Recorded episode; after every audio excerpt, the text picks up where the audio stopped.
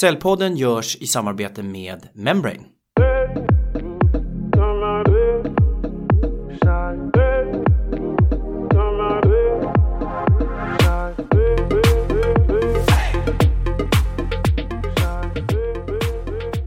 Hej och välkommen till Säljpodden, en podd för oss som gör affärer som ges ut i samarbete med Säljarnas Riksförbund. Och det är otroligt roligt att sitta här mitt emot Claes Hallberg som är husfilosof på P4 Extra som har gett ut boken I kundens skor som vi idag ska prata lite mer om men som också har utsetts till Årets talare 2018 och också en av världens nio bästa talare av oberoende speakers rating. Välkommen Claes, kul att ha dig här! Tack så mycket! Hur är läget med dig då? Det är jättebra och jag vill omedelbart säga till oroliga lyssnare. Vi pratar alltså stor studio två meter emellan. Absolut. Mitt emot, vet folk tänker Åh, mitt emot. Nu är det inte coronaavstånd, men det kan, det har vi. Det är tryggt. Ja. Och vet du, du har cyklat hit idag och då har du haft extrem motvind. Men ja. hur känns det i livet i övrigt? Ja, i övrigt så har det varit, alltså det, ja, I övrigt så är det ju en galen, det är ju på något vis en upp och nervända världen är det. Jag mår jättebra, mina nära kära mår jättebra och eh, jag har eh, inte några intäkter på närmsta månaderna. Nej. Egentligen annat än eventuellt om jag säljer en och annan bok här då, det vore väl kul. Men, men och trots detta så upplever jag dels att jag mår väldigt bra eh, själv. Och att det, det, det händer häpnadsväckande mycket grejer nu i, även i verksamheten tycker jag. Olika poddar och olika webbgrejer. Jag ska göra min första eh, sån här eh, webbföreläsning här nu om några dagar. Och ja, så att eh, ja, med tanke på att det på något vis är upp och nedvända världen eh, så mår jag väldigt bra för egen del. Även om jag naturligtvis, det kommer ju en liten slöja av mörker då och då om man tänker på. Men andra individer som lider i, i, i vårt land och, och, i vår värld och även mm, ibland kan jag väl dra, drabbas av en liten sån här wow, vart är hela världsekonomin på väg? Också där. Mm. Så att eh, lite grums men mest ändå eh, positiv energi känner jag.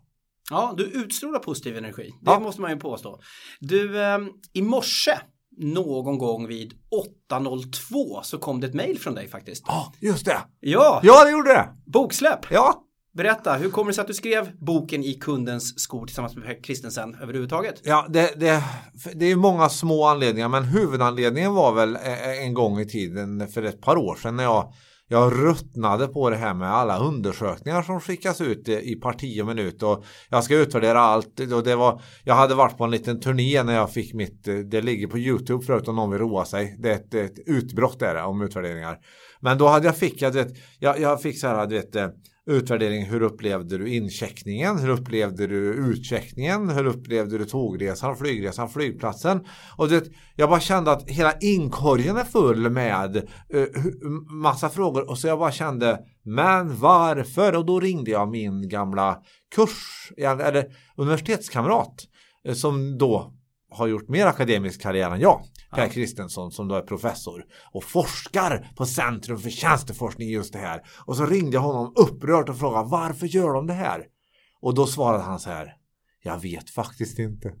Nej, det är en bra utgångspunkt ja, en bok. Ja, och sen så började vi då prata om den goda intentionen som finns naturligtvis bakom att skicka en utvärdering är ju att jag någonstans vill veta hur upplever mina kunder eller nu då medborgare, patienter, elever, gäster, kalla dem vad du vill. De som använder det som, som du producerar. Mm. Um, och, och, och, och, den goda intentionen med en utvärdering till exempel är naturligtvis att förstå, förstå hur de fungerar, vad de tänker och vad de vill och sådär. Va? Så då började vi samtala om det. Och uh, sen så blev det så småningom föreläsningar ihop. Som jag och Per gjorde. Och till slut en bok här där vi det var lite fler grejer som hände på vägen. Men, men om vi börjar där i alla fall. Så var det ursprunget till att det blev en bok. Är du nöjd med resultatet? Jag, jag, jag är väldigt nöjd med resultatet. Jag, det är ju alltid lite läskigt när man liksom ger sig i lag med akademiker. Mm. Ja, och han, den här akademikern har ju dessutom scarf i allmänhet. Så att, så att jag var ju lite orolig att den skulle bli lite för vad ska jag säga då, lite för så här, slätstruken och halvduktig men, men jag tycker ändå vi hittar vi, jag, jag, jag, är klart nöjd. Jag tycker vi har gjort det här. Vi har, vi har skrivit en bok som ändå inte har skrivits förut i alla fall tycker jag. Mm. Jag vill inte chocka dig på något vis men jag har ju läst boken. Ja, ja. ja vad tycker du då? Jag gillar den och jag har tagit ut några saker som vi vill prata mer om. Ja. Eh, och jag hoppas det är ämnen du vill prata mer om. Ja. Annars får du säga ja, annars... veto eller nej, jag byter samtalsämne eller vara eller någon slags byter... politiker här och bara glida ja. åt sidan. Jag, kastar, jag kanske bara byter samtalsämne mitt i en mening också. Det, det har hänt förut. Jag vill prata mer om det här med undersökningar. För att eh, någonstans så har jag förstått att du är inte emot undersökningar generellt. Du förstår ju syftet med undersökningar. Vad är det du vänder dig emot mer konkret? Alltså, det är några olika saker. Men, men, men eh, en grej som vi problematiserar lite i boken det är ju naturligtvis intentionen mm. med vad va, va är det jag vill uppnå och när jag formulerar frågor och väljer ut vart jag ska skicka dem och sådär va. Och, och där, där kan man säga så här att, att eh, om man tänker en, en bra sak som man kan göra genom att fråga sina eh, kunder slash etc. etc. brukare, mm. medborgare. Det är ju, det är ju att, man, att man letar efter kritiska händelser. Mm. Eh, och om vi tar, jag tar, tar skolexemplet på en kritisk händelse bara som exempel här. Ehm, eh, man är på restaurang och ehm, så är, man får en lite överst, man får vänta länge och så får man lite överstekt köttbit. Och då, då är det en ganska, en hel del människor som förmodligen är ungefär som jag brukar vara i det läget att jag tänker så här. Ja, den var lite överstekt. Ja, jag betalade 250 spänn för den. Och jag fick vänta 20 minuter. Det är risk att jag får vänta 20 minuter till. Och ärligt talat, jag vet inte om de ändå är kapabla i det här köket att steka den liksom så. Det, det. Jag äter upp den och så i tysthet bestämmer jag mig för att aldrig gå hit igen. Mm. Ja. Och då tänker jag så här. Förmågan hos en organisation att nosa upp, oj, jag packade på mikrofonen här, att nosa upp den typen av när folk, för när folk bestämmer sig i det läget då säger de ingenting till restaurangen men berättar för tio vänner. Mm. Och det här var på en föreläsning med, med en uh, Gavin Hoare hette han, eh, stavas H-A-R. Mm. Uh, uh, och som var verksamhetsledare på en otroligt stor salong i England. hårsalong som har hundratals terapeuter heter de. Mm. Inte frisörer. De är terapeuter. Eh, och han letade efter a flicker of discontent. Han har instruerat sin så kallade checkout-personal att inte lägga sig platt för äh, gnäll och bara liksom ge pengar tillbaka och hålla på så. Men att leta efter en flicker och den där en flämtning, den där lilla, lilla nyansen. Jag tror de nyanserna, de är svinintressanta om man kan fånga upp i efterhand genom olika typer av efterbearbetningar. Sådär, va? Äh, det, det, är ju ett, ett bra sätt. Men det vi ofta ser när det gäller utvärderingar, det är att man frågar om saker som man ur någon form av organisationsstuprör är intresserad av men som kanske inte är särskilt relevant för mig som, som kund egentligen. Var är välstädat i receptionen? Mm. Så, va? Mm. Det skiter väl jag i men däremot stod det en, stod en, en, eh, grävmaskin och grävde från 06.15 på morgonen när jag hade betalat 1800 spänn för en hotellnatt. Det var inte ens hotellets grävmaskin men jag tänker fan inte åka till hotellet. Då spelar det ingen roll att det var välstädat i receptionen. Va? Så att i, I boken använder vi begreppet ibland statistikmonstret. Eh, för en känsla av att ibland är det så här, tror jag, att någon har en god intention i en ledningsgrupp och vill ta reda på något. Och eh, så skickas det iväg då. Vi ska leta efter de här grejerna nu. Vi ska, och så rekryteras ett kanske undersökningsföretag som i värsta fall har en, en så här arvoderingsmodell där det är, de får betalt på antal svar eh, till exempel. Och, och där det också kanske finns omedvetet en sån liten risk att det vore bra om det blev bra svar här också. Mm. Sådär, va? Och då till slut kanske man hamnar i en situation där det, det blir som det, det, det, blir som en egen liten amöba här, en egen liten organism, en egen liten statistikmonsterkaka. Det vill säga eh, den, den unika originalintentionen att förstå en speciell fråga, den har förflyttats till att bli samla in statistik för statistikens egen skull. Mm. Där kanske rent av kunden känner sig jagad.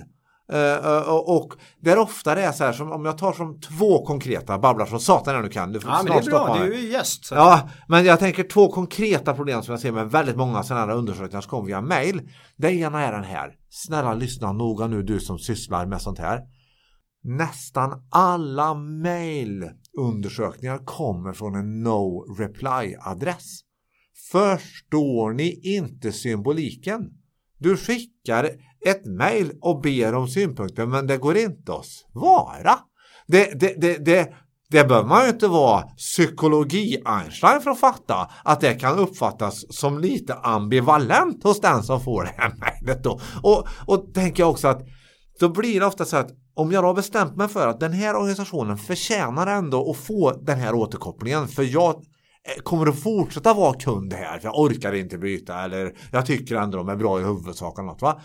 Då är det så här Ofta måste jag då tröska mig igenom åtta stycken för mig icke-relevanta var det välstädat receptionen-frågor mm. innan jag kommer på någon slags här övriga kommentarer där jag också är extremt osäker på kommer någon att se de här? För det hela det har andats statistikmonster hela grejen. Mm. Så att där tänker jag så här att det finns en jättehemläxa att göra. Att be om återkoppling men var i så fall redo för den. Så, På tal om symbolik så är det så att eh, Claes viftar med armarna och jag nickar och ler och känner igen mig.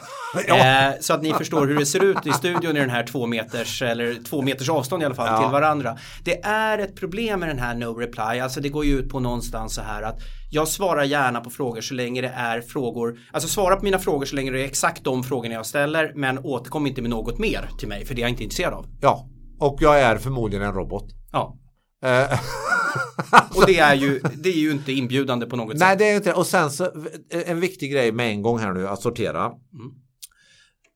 För under vårt samtal här så kommer några lyssnare och, och så tänka tanken Ja, men hur ska man göra då din glada lilla värmlänning? Ja, ja och den frågan den, den, säger så här Ja, det är väl förmodligen så att du är bäst på Eh, i, att utifrån din komplexitet avgöra hur du ska formulera frågor och hur du ska skicka ut dem och, och så.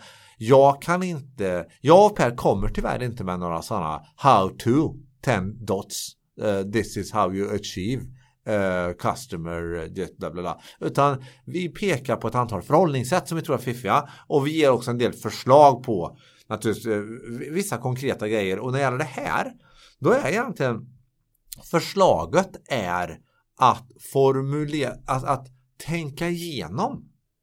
Vad är det vi faktiskt frågar efter?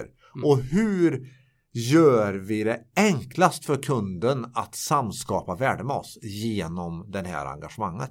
Mm. Nej, men det är ju svårt med undersökningar. Om vi ska ut på en väldigt, väldigt stor målgrupp så är det klart det finns en poäng med att ha kvantitativa frågor. Men ja. det du efterfrågar det är har vi tänkt igenom frågorna? Finns det någonting vi kan komplettera med? Och hur har vi satt upp själva insamlandet med no reply etc. Vad är det vi sänder för signaler? Ja. Det är egentligen det ni lyfter i boken ja, som en essentiell part. Och, och, vi skriver också i boken så här att, att det här eh, eh, kan man ju tänka att vi skulle inte behöva lyfta nu 2020. Och, och, några som sitter och lyssnar sitter säkert och tänker ja men det där kom vi över i vår organisation för många år sedan. Det är ju i så fall bra. Vi noterar dock, jag noterar dock att fortfarande dyker det upp ständigt och jämt massor med sådana här eh, helt uppenbart hål i huvudundersökningar. Och om jag får säga en sak till som mm. fortfarande görs jätteofta som jag är helt fascinerad av. Det är ju det här när man har ringt till en stor organisation av typ bank, försäkringsbolag och något och suttit i telefonkö i 25 minuter och sen fått hjälp eller inte hjälp så är det ju nästan varje gång fortfarande så är det robotrösten ringer upp direkt efter. Mm. Ärligt talat. Va, va, vem svarar, pratar med robotrösten? Alltså, och vad får man för kvalitet på, på informationen? Här kanske någon sitter och tänker så här, ja, men det är inte insatt i exakt här, för vi loggar Custom Experience Future Level äh, äh, värdet här. Och det får vi. Fine, fortsätt med det. Min, jag ifrågasätter ändå stenhårt vad den där typen av undersökningar kan ge för verkligt värde som kan göra att en organisation kan bli bättre på att samskapa värde på riktigt med sina kunder, medborgare, brukare, patienter etc. Jag har svårt att tro det. Jag är skeptisk. Nej, jag tror precis som du säger att det finns mer att göra för många organisationer. Vissa har säkert tänkt igenom det här väldigt, väldigt bra. Vi pratade för tio år sedan i en organisation jag var involverad i om svordomar och hur vi hittar dem och då, då var vi tvungna att gå ut och faktiskt möta kunden med öppna frågor face to face och komplettera de här standardiserade volymundersökningarna. Så det finns säkert mer att göra. Jag vill bara tillägga en liten sak bara ja. för ett matematiskt förhållningssätt för att ha skrivit ja. med en akademiker. Om du får en köttbit som är överstekt som tar 20 minuter att vänta på så kommer det förmodligen bara ta en kvart när du får en rätt stekt ja, nästa okay. gång. Fantastiskt bra! Det ska jag notera här. Ja. så att jag kan våga säga till nästa gång. Sen ska jag väl säga så här. Jag tycker nog att nivån på köttstekeri har ändå gått upp de senaste tio åren bara i Sverige. Fantastiskt roligt tycker jag. Suveränt och på det här citatet så tror jag att vi rusar på poddlistan. Ja. Eh, köttstekeriet i Sverige har utvecklats ja. och då kommer vi in på värdeskapande. Ja. En väldigt klyschig fråga men för mig är den här viktig för jag är lite trött på ordet skapa värde. Ja, jag förstår det. Jag med. Det är ju väldigt skitnödigt känns det som. Kan inte du definiera ändå vad, vad vi pratar om när vi pratar om värdeskapande? Vad är värdeskapande? Det här är en otroligt öppen fråga men jag tror att du klarar att plocka ner bollen. Ja, jag vill en gång säga så här att vi ska nog inte låta Claes Hallberg stå för the definition för all framtid här. Men det jag naturligt tänker på för mig som är som, som är uh, jag, jag, tänker på två exempel. Det ena är ju bil. Mm. För jag har varit och föreläst mycket i bilbranschen. För alla möjliga säljare inte minst. Äh, älskar säljare. Äh, och och äh, så här, jag är I'm a believer. Mm. I believe in the sales. Så. Äh, och, och jag upplever ändå att 2020 så är fortfarande bilbranschen kvar där. Att de tror att själva bilen har ett värde. Mm. Mm. och det är helt. Jag menar, en bil har ju inget värde. Och, och den, den har ju bara värde när den, alltså, förlåt. En bil kan ju ha, tänker jag, ett värde om, för om, om någon rik excentriker köper en sån här unik Ferrari som eh, är gjord av, som bara finns i tre exemplar och så kör den rika excentrikern hem bilen till en sån här display garage secret for the friends som kommer och tittar på den här och bara åh. Och så uh, ger den en njutning att titta på och sen säljs den dyrare 30 år senare för att den är originalskick och knappt kört. Det, det, det kan man ju liksom diskutera att själva bilen faktiskt kan ha ett värde. Mm. Men för typ alla andra sammanhang så, så uppstår ju värdet när bilen används till att transportera människor och saker och vad det nu kan vara. Och det här upplever jag fortfarande att bilbranschen de, de kämpar oerhört mycket med det här. Det är fortfarande inte skitenkelt och, och, och, och få hjälp under tiden jag äger bilen med sånt som, som behöver hjälp. Men det, det är omständigt och det, det, det börjar ju bli bättre. Boka tid på nätet på verkstad och man har däckhotell och mm. sådär va. Eh, men, men, men här tycker jag insikten hos en säljare att du måste kunna ge en offert utan att eh, köparen behöver gå igenom extrautrustningslistan. Den, den, den, ni måste komma förbi det här. Hur tänker du att det ska gå till då? Det får ni väl lösa själva. Alltså, just där eh, har jag ingen aning om vad man ska ha. Så här, man har kan väl ha någon schablon då eller något för det här. Det, eller också får man sluta hetsa upp sig så över innertak av antracit. Mm. Men hur ska man hjälpa efter själva bilköpet? För du pratar Aha. lite grann om att värdet någonstans uppstår ju när jag använder bilen. Ja, men det är massa, ja. Och det, det är, jag förstår att det är massor med komplexa grejer också. Man kan ju inte erbjuda alla.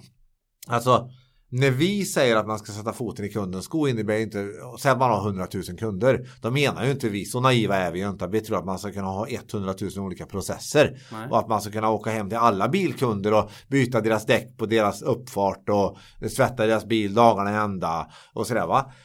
Men jag tänkte bara som, vi tar i mitt fall här nu så hade jag en försäkringsärende där det ju är så här att eh, det här eh, leasingbolaget som då har finansierat, som jag då hyr, jag leasar tjänstebil. Mm. Då har de, jag har någon sån här originalförsäkring med bilen Mm. som jag ska ringa ett nummer när någonting händer. Så när jag hade kört av vägen eh, så ringde jag det numret och så blev jag kopplad till det. Och då visade det sig att det är olika försäkringar involverade.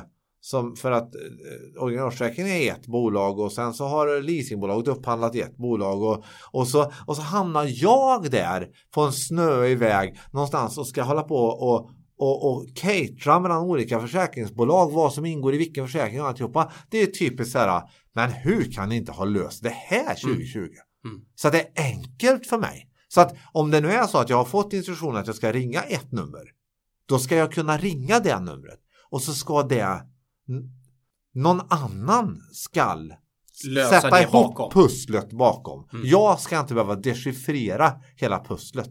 Så, det är ju ett konkret exempel. Mm. Eh, Ett annat konkret exempel som, som är eh, jag saknar naturligtvis eh, specifik kompetens kring det här men jag, jag kan ändå tycka att det är lite underligt att när jag ringer till en stor organisation så ska jag genom knappval lista ut vilken människa i den här, i, vilket stuprör i, ska vilken människa hjälpa mig med mitt problem. För mig är det hur man än vänder och vrider på det en bakvänd tanke. Det måste vara bättre att jag ringer in och berättar det här har hänt. Ja. Och så säger den som lyssnar aha, det här får Berit ta hand om. Mm. Istället för att jag ska hitta Berit. För jag upplever att det är ett ständigt hitta Berit. När jag, när jag ringer. Och så kommer man så här. Och så har man tryckt på trean, trean tvåan och fyran och väntar fyra var till. Och så, så, så bara, och så säger de bara nej, jag är inte rätt Berit.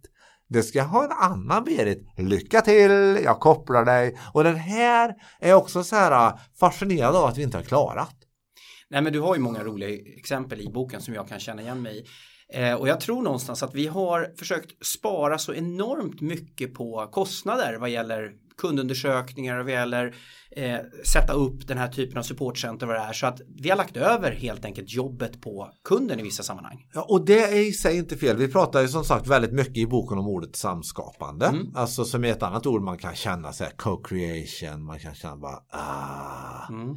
Eh, eh, och samtidigt är det ju någonstans ett faktum att om vi tar ett restaurangbesök som, som jag om jag eh, är så här eh, nyförälskad och precis har fått tillbaka 10 000 på skatten och det är vår och jag går på restaurang och lalala, då är det stor chans att jag samskapar värde med restaurangen. Så, va?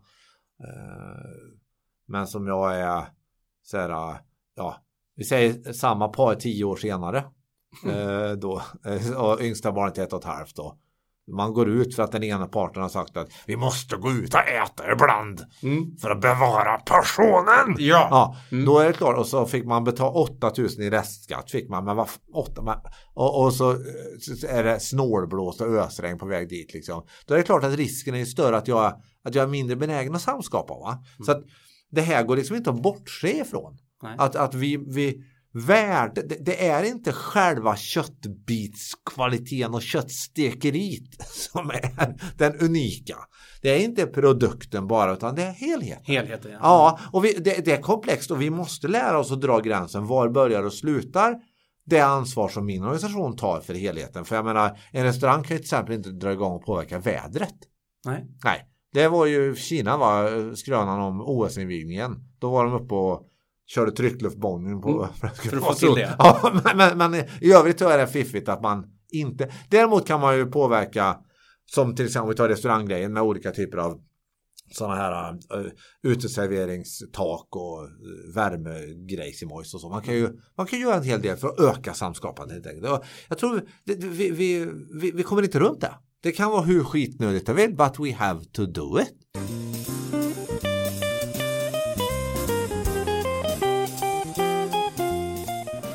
Hej, det här är Georg Brontén, grundare av Membrane. Att du lyssnar på den här podden tycker jag är ett tecken på att du vill lära dig nya saker och är stolt över ditt jobb som säljare eller säljchef. Den stoltheten delar jag med dig. Som entreprenör och bolagsbyggare vet jag att utan försäljning så händer ju ingenting. Det är min övertygelse att det är hur vi säljer som är skillnaden som gör att vissa lyckas medan andra misslyckas. Och det här kommer bli ännu tydligare i framtiden, särskilt inom B2B-försäljning. Tyvärr så är det så att de flesta CRM-verktyg som säljare tvingas använda idag inte utvecklades med den här insikten.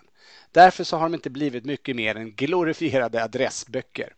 Och kanske var det här tillräckligt när ni valde det CRM-system som ni använder idag. Men det kommer inte vara tillräckligt i framtiden om ni vill bli bäst.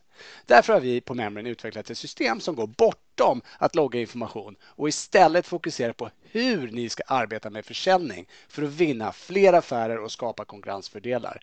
För framgång inom professionell försäljning handlar om att utveckla människor och arbetssätt, inte bara databaser. Låter det här intressant? Maila oss då på kontakt.membrane.com eller besök www.membrane.com för att lära er mer. Och vissa branscher är ju bra på det här. Men jag, jag, jag reflekterar lite eh, för att prata lite om min fru här. Det är kanske inte är populärt men jag lärde farligt, mig, det finns ju mycket misstag jag gör, men jag lärde mig en sak faktiskt av min fru och det var att jag ville gärna boka resan väldigt, väldigt sent när vi skulle resa bort någonstans utomlands och så vidare. Aj, aj, aj, Sen har jag förstått det som att värdet startar mycket tidigare. Den startar i förberedelserna inför resan. Ja. För mig har inte det samma värde utan för mig är själva resan och kanske efter. Men för en del finns det ett före, under och efter. Mm. Och det tror jag är viktigt att beakta. Eh, jag kanske borde varit mer begåvad och kommit på det tidigare. Det borde du garanterat ha varit. Men... Ja, men jag är sen på vissa puckar. Eh, eh, och det är väl det ni lyfter också lite grann, att försöka tänka så, både vad gäller undersökning och vad gäller i hur man samskapar, att tänka före och under efter ja. när man levererar. Och, och, och, och återigen, vi, vi adresserar ju det, att, och det här görs, tror vi, väldigt mycket. Vi tror att väldigt många är på bollen. Fast vi tror ändå att, det, eller det, det, en hypotes är att när det kommer till kritan så blir det liksom ändå så att det blir någon som vill ha ett tydligt nyckeltal. Mm. Och, då, och då blir det ändå så att risk att man börjar mäta sånt som går att mäta mm. istället för att göra sånt som spelar roll. Mm. Och det här är risk för oss alla. Det är risk i, i, i våra privatliv också. Mm. Att man helt plötsligt, apropå familj då, så börjar man betygen eh, börjar man bli så här, jaha, börjar det bli viktigt? Fast det som spelar roll, det är ju inställningen till lärande. Yeah. Så här, känslan av eh, eh, tillit till samhället och framtidstro och allt möjligt. Det spelar roll. Mycket, mycket mer roll om det blev vad det nu är då, A, B, C, B, B eller C eller något för en unge. Va? Men, men det är, jag tror vi är bara där och, och liksom kanar omkring lite. Men vi adresserar också i boken utmaningen att det väldigt ofta är omätbarheter involverade i det verkliga värdet. Mm. Eh, och vi har en förtjusning vi människor för mätbarheter. Det innebär inte att vi är emot all typ av mätande. Han är ju akademiker Per. Jag menar, han har ju jättehög panna och scarf och massor av modeller och tänkt otroligt mycket.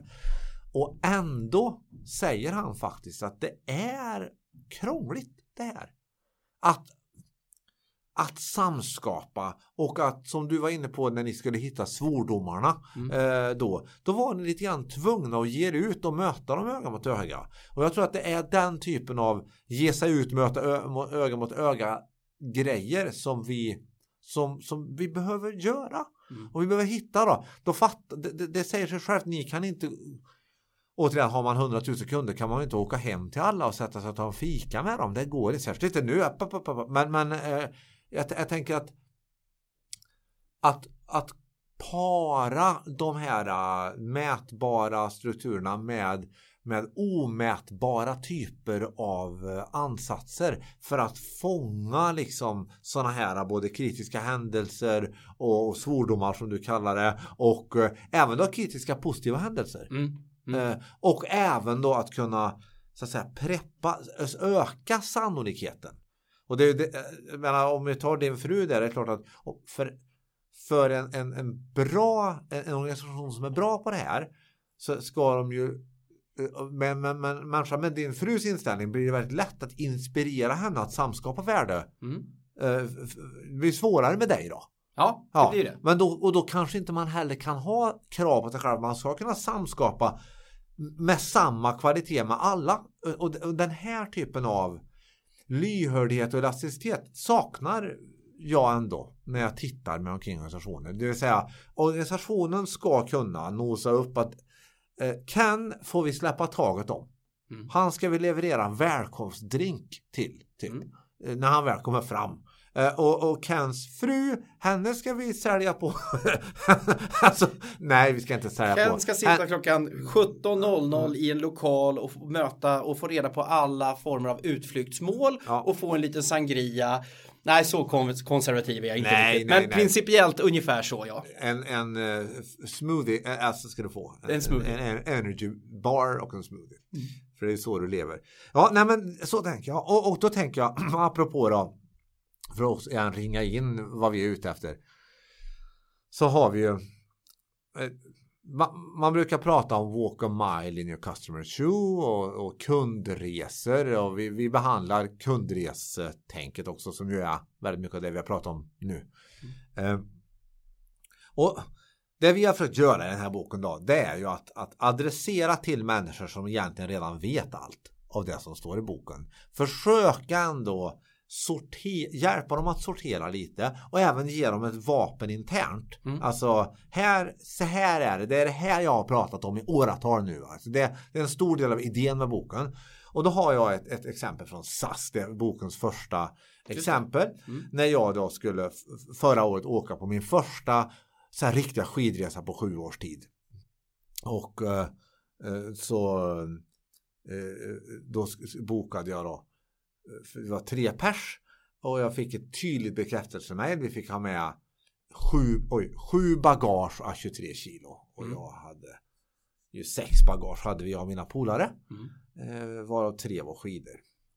Och sen så var det en annan god vän till mig som sa att även om du checkar in skidorna och de är i en väska så är de inte incheckat bagage på SAS. Aha, tänkte jag. Mm. Eh, så jag ringde. För jag klarade inte på hemsidan. Och så fick jag vänta då i 27 minuter och så var det en traveler consultant som sen sa suck. Och sucken där i de här lägena den är ju, fattar ju alla säljarna på säljarpodden att det här med att sucka när kunden ringer, det, det är väldigt sällan det lönar sig. Nej, det är ingen framgångsfaktor. Nej, det är inte. Så det, det, att försöka hålla ordning på andetagen, det är en jätteviktig grej. Men till slut i alla fall så, så, så, så säger han, du får ansöka på hemsidan och jag bara, ja men nu ska jag ju åka om tre dagar. Och i min hjärna var det ju bara en omdisposition av Mm. Alltså, ja, det, de här skidorna väger bara 10 kilo så det var ju 13 kilo per skidpaket till godo mot maxgräns för vad jag redan skulle få ta med. Får jag bara kolla, du trodde väl inte att den skulle komma in som handbagage va? Nej, Nej, precis. tack. Det var ju så. Det var min uteslutningsmetod. Ja. Jag kommer inte att dra skidorna uppe här i glove compartmentet. Men i alla fall. Så jag, eh, då, då säger jag, frågar, kan du hjälpa mig att ansöka? För jag klarar inte det själv. Sök nummer två. Och eh, ja visst, så ansöker han. Sen säger han så här, om, jag, om du inte har fått ett mejl inom två timmar får du ringa tillbaka igen. Och det är ju lite humor då, för hela, var, var 23 sekund eller 47 sekund under mina 27 minuters väntan så säger ju en robotröst du vet väl att du kan få hjälp Mm. med de flesta ärenden på vår hemsida och det är också en bön till alla er som är ute i organisationer vi vet det Ja. Vi har redan fattat det Jag har väntat bör- 25 minuter nu. Ja. Hade jag velat göra det så hade jag gjort det innan de här 25 ja, minuterna. säg det möjligen en gång men säg det inte var 47 sekund i 27 minuter för vi sitter och klöser oss. Mm. Ja. Hur som haver barnkär så ring så till slut då så jo så sa han ring tillbaka om två timmar om inte har fått något mejl. Jag förstod sen att det beror ju på att han egentligen har omtanke. Han vet att systemet är så kast så jag kommer inte få ett mejl. Mm. Så, så det var ju bra. Så jag ringde två timmar senare, jag har inte fått något mejl och då säger den nya traveler consultanten att du får ta med skidorna till Genève men inte hem. Ja.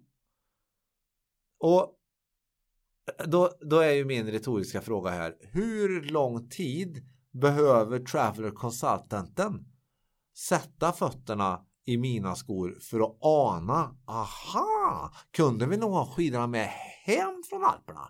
Jag kan ställa frågan till dig Ken, hur lång tid behöver jag, jag, när jag läste boken så tänkte jag så här, vad ska han göra med skidorna nu? Säljer han dem i Genève eller vad händer? ja, grejen det som också som inte står i boken det är att jag problematiserade det här eh, med, med honom och sa att, att eh, ja, men vad, vad, vad, ska jag göra då? Om, jo, för till slut sa han, du, du får, du får, du har ju ombokningsbara biljetter sa han.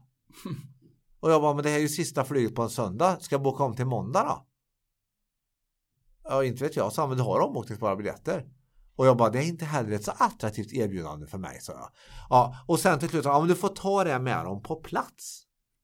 Och hoppas att de släpper med skillnad. Och då tänkte jag i min stilla sinne, så kan ju inte systemet vara riggat. Att folk ska stå på plats där. Ja. Eh, men, men, men det, det, och det, och det, det, då tänker jag så här att äh, återigen, här är det så att det är en individ som skulle behöva ha foten i min sko. För egentligen behöver han bara hovra med foten över skon så får han ledtråden jag vill nog med skidorna hem. Mm. Eh, men det handlar ju också om ett system då naturligtvis någonstans som, som uppenbarligen i det här fallet eh, på något sätt gör att han väljer den här vägen att gå. Och, och, och, där tror jag det får ju också varje organisation var man än jobbar får man ju skärskåda sig vad skickar vi för signaler ut i organisationen? Det vill säga kräver vi av medarbetarna att de ska ha foten i kundens sko och fatta beslut men bestraffar varje misstag till exempel. Mm, precis. Då, då, kom, då, då kommer ju inte vi att få medarbetare som sätter foten i kundens sko utan vi kommer att få folk som håller ryggen fri och ser till att de inte får eh, liksom käppen på fingrarna av, av chefen. Så att, det, jag tror att jag tror egentligen att det är ett strukturproblem, mycket, mycket mer ett individproblem. Och att många som sitter i ledningsgrupper tror jag ibland är liksom kostar på sig och bara gnälla lite på Traveler Consultanten i det här läget. Att uh, det, så här ska det inte vara. Mm. Och, och där tror jag, där är det nog en lång väg att gå nu. Mm. Där vi behöver titta i stora organisationer, vi pratar stora i, i kommuner och i, i stora globala företag med, med tusentals anställda. Mm. Så behöver vi titta på styrningen. Eh, inom offentlig sektor pratar man ju nu om tillitsstyrning som en så att säga, begrepp eh, som någon slags då mot eller att man lämnar New Public Management bakom sig som ju är alltså nyckeltalsmätning. Mm. Och, och, här tror jag det kommer bli för lyssnare till den här podden kommer det vara det, det, det, det skräckblandad förtjusning här tror jag. För, för att ska vi klara av att samskapa verkligt värde ihop med våra kunder de närmsta 10-20 åren, då måste vi släppa en del av våra förenklade mätmetoder och en, en del av våra förenklade styrningsmodeller. Och så måste vi låta fler individer ta verkligt ansvar i skarpt läge. Och, då, och det där blir, det, ett problem då är att vissa individer kommer att fatta fel beslut. Mm. Och det där är, det, det, där är komplext och svårt. Det kan inte vi sitta här som författare här och vara broduktiga och säga att det är bara att belöna risktagande bara. bara eh, more money to the brave. Mm. Det, så, så enkelt är det inte heller. Nej. Men det måste nog röra sig åt det hållet. Ett mindset vi, helt enkelt att börja tänka de här banorna. Ja och att, och att faktiskt man som organisation börjar våga, alltså det, man kanske också måste få ibland förlora kortsiktiga pengar, tappa vissa nyc, eh, eh, mm. kortsiktiga nyckeltal eh, för att man på längre sikt får ett större engagemang. Mm. Jag gör en liten reflektion bara, mm. försöka summera här eller, eller bara fladdra ut och bli helt obegriplig. Vi får se var jag landar. Men jag känner igen två typer av situationer i det här egentligen och det är vid ett tillfälle för sex år sedan så råkade jag landa inom akutsjukvården och blev inlagd på sjukhuset. Innan jag kom in dit, då var det jävligt långsamt och fel och ingen fattade något beslut och konstiga frågor och allting. Men när det verkligen krisade på allvar, då sa det bara pang och folk fattade beslut och det blev hur bra som helst i krissituationen. Ja. Och en annan situation, lite larvig övergång, men det är telekombolagen eller tv-bolagen och det är ju, eller operatörerna och det är ju att jobbigt, jobbigt, jobbigt tills det har gått fullständigt åt helvete. Då får jag träffa en person som har fullt mandat att fatta ett beslut och det är bara helt plötsligt vad hände? Gud vad bra allting blev. Och där har vi då, vem får fatta besluten tror jag? Ja, och det kan man om man ska koppla till vår, den här situationen vi befinner oss nu i samhället nu så är ju, så, så, tycker jag vi ser väldigt mycket av det där, precis det där du pratar om, mm. ser vi nu. Eh, jag ansökte om korttidspermittering här. Mm. Eh, för att jag har ingen intäkt på flera månader. Mm. Och eh, det tog tre dagar i påskveckan så hade jag ett mejl. Den typen av handläggningstid hade ju inte hänt om jag skulle gjort någon liknande manöver för ett år sedan och något slag. Det hade ju tagit tre och en halv månad och mitt mm. företag hade varit konkurs redan. Mm. Så det är klart att det är ju faktiskt då någonting som som man skulle kunna hoppas att vi kan få med, om vi kan få med 10-20% efter krisen av vår benägenhet att klara av att fatta snabba beslut och lita på varandra och engagera varandra och samskapa. Det pågår ju en oerhörd massa samskapande nu eh, i samhället tycker jag. Så det, allt från att det köps luncher till folk som jobbar i vården till att det hittas på initiativ och skrivs ut eh, sådana här visir och, och, och till och med Arbetsmiljöverket godkände ju de här maskerna till slut. Ja. Det, det var ju, det, då var det ju många för några veckor sedan som satt och klöste sig runt om i Sverige. När det fanns vad det var, inte vet jag, 100 000 skyddsmask 90 som inte var CE-märkta. Och byråkraterna på Arbetsmiljöverket bara, det går inte. Mm. Och sen helt plötsligt så går det. Mm. Och det känner jag att är massor med interna processer Ken mm. som vi kan göra slarvsylt av hur fort som helst uh, och, och, istället uh, alltså, jag, jag, kan ta ett exempel. Ja, prova. I, I take one example. Ja. Yes, mm. here mm. in the pod. Mm. Uh, det blir lite stockholmska. Ja. ja eller var engelska då. Ja, men det är så vi snackar här bara. Ja. Future. jo, det, jag var föreläste på eh, Gavlegårdarna som är eh, ett kommunalt eh, bostadsbolag i Gävle som har typ 20 000 lägenheter. Mm. Stort. Många. Halva Gävle. Nej men det är en stor del av Gävle. Bor. och då berättade en kvinna, en handläggare där på huvudkontoret, berättade att det hade ringt en sån här, en galning, en hyresgäst som var galen, som ville odla gurka. Ja. Och då hade ju då den här handläggaren förklarat enligt policyn att eh, odlas inte gurka här. Eh, det har inte gurkodling utan man har trappstädning och lite allt möjligt finns men inte gurkodling. och det blir dåligt. Och så var det här, det här som ringde, hon var ju en sån här eh, gärd kan vi kalla henne. Mm. Hon var en sån jobbig kund som var glad och envis. Du vet de sura och envisa, de, de kan man ju ha lättare att avfärda. Men de glada och envisa, vet du, mm. de är hopplösa. Mm. Så hon bara, Jaha, varför inte det? Och jag ringde igen och igen och hon handläggaren bara, nej men då vill alla odla gurka. Och Gerd bara, jag tror inte alla vill odla gurka vet du.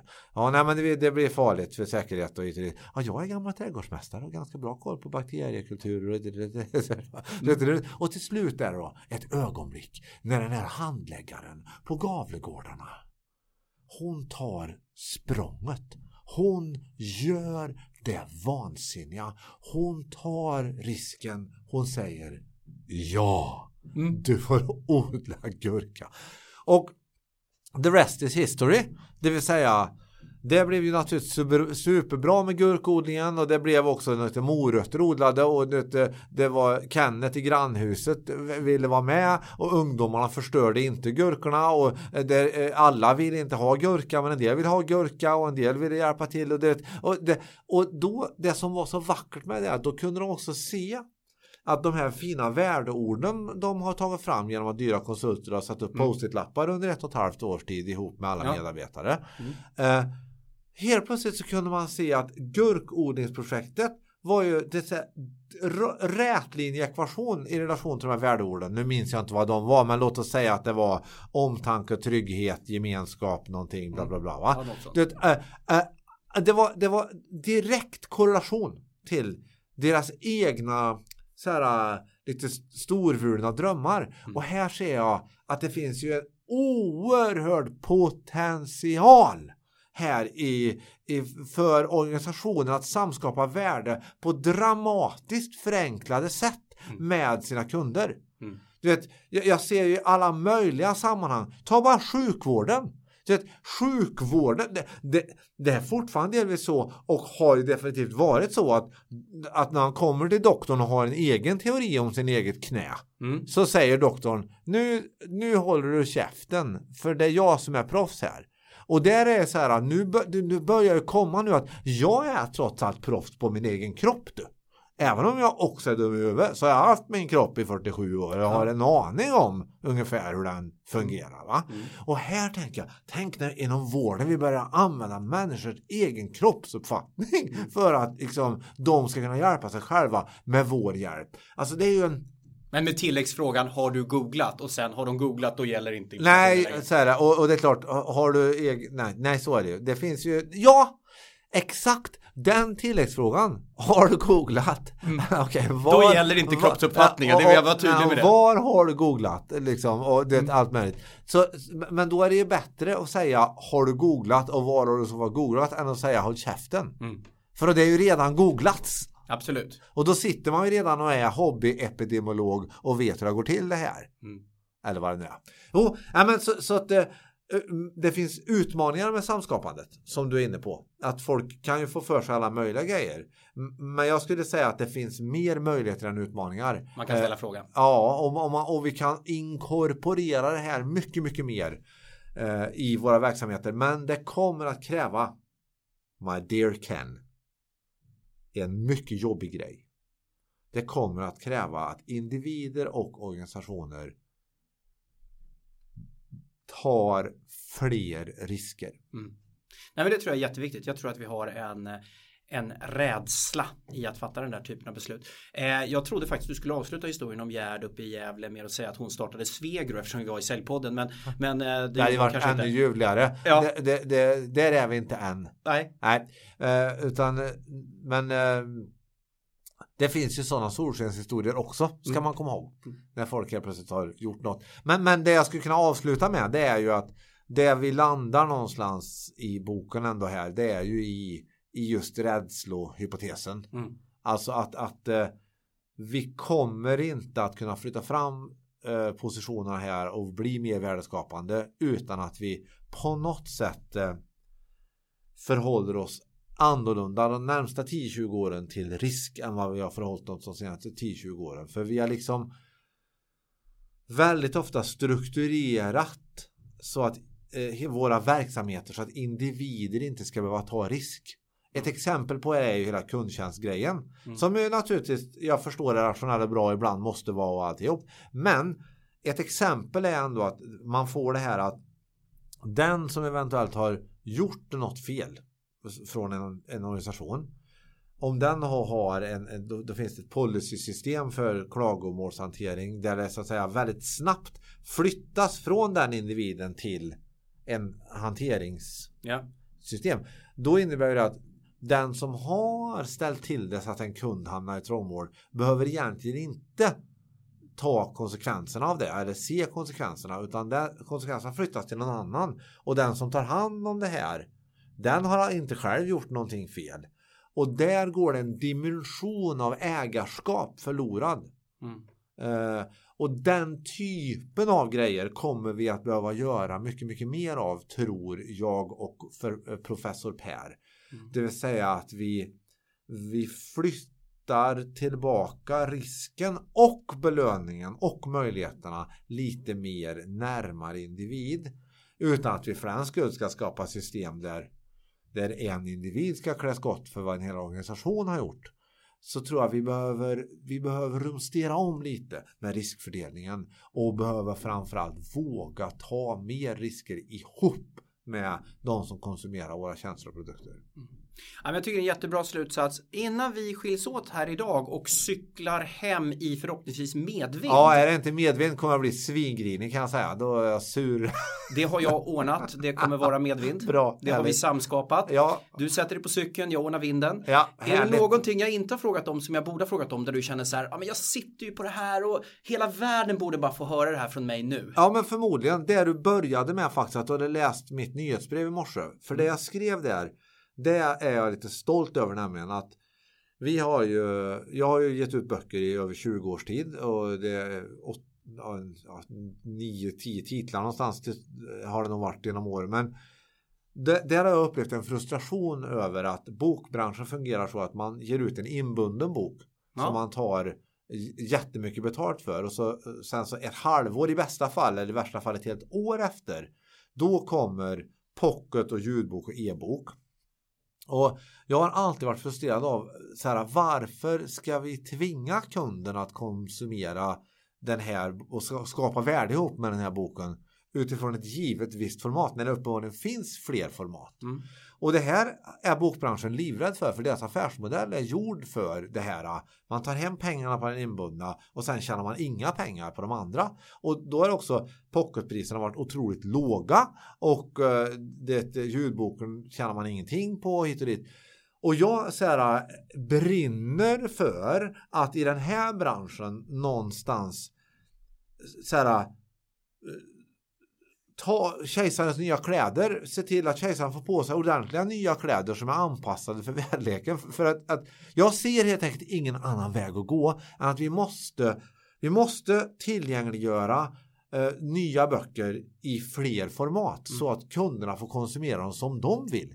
Och det har vi lyckats med här. Förlaget Volante åkte dit stenhårt när de eh, hade, vi hade ett samtal om detta och så sa jag till förlagschefen men du, hur lång tid behöver du ha foten i kundens sko för att fatta att kunden kanske vill välja vilket format kunden ska konsumera boken i?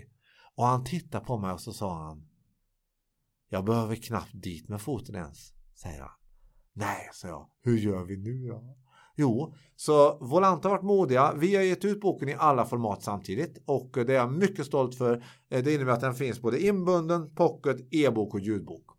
Och eh, jag hoppas att eh, vårt samtal också ska generera nyfikenhet så att kanske lyssnaren vill konsumera och skapa värde ihop med den boken i något av dessa format. Grymt! Ett antal segways på en gång. Eh, jag har läst boken, jag tycker boken är bra. I kundens skor. Nu finns den tillgänglig i pocket, inbunden och eh, även eh, i ljudbok. Ja. Tack så hemskt mycket Claes för att vara med idag. Tack så mycket, kul! Tack för att ni lyssnade på Säljpodden, en podd för oss som gör affärer. Och det finns ett kortare utsnitt, avsnitt, heter det. det finns ett kortare avsnitt ute med Klas där han berättar om sina säljminnen. Otroligt roligt avsnitt. Tack för att ni lyssnade och ha en härlig vecka och ta hand om er i dessa tider. Ha det gott! Somebody, somebody.